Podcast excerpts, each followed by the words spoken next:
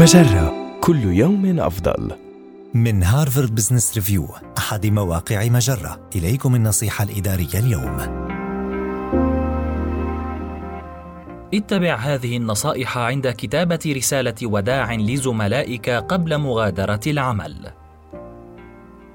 من المعتاد في العديد من أماكن العمل إرسال رسالة وداع عند المغادرة، ولا يعد ذلك من أفضل الممارسات فحسب، بل هو أيضا طريقة جيدة لشكر فريقك أو قسمك أو مؤسستك قبل أن تذهب.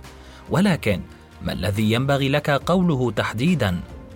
ابدأ بالإعلان عن أن هذا هو آخر يوم عمل لك. واذكر أكثر الأشياء التي كنت تقدرها في أثناء فترة عملك في الشركة وبالتحديد في فريقك أو قسمك. وبعد ذلك تطرق بإيجاز إلى أبرز المشاريع التي عملت عليها أو الإنجازات التي حققتها خلال فترة توليك الوظيفة. واشكر من جعلوا تجربتك رائعة ولكن لا تجعل القائمة طويلة.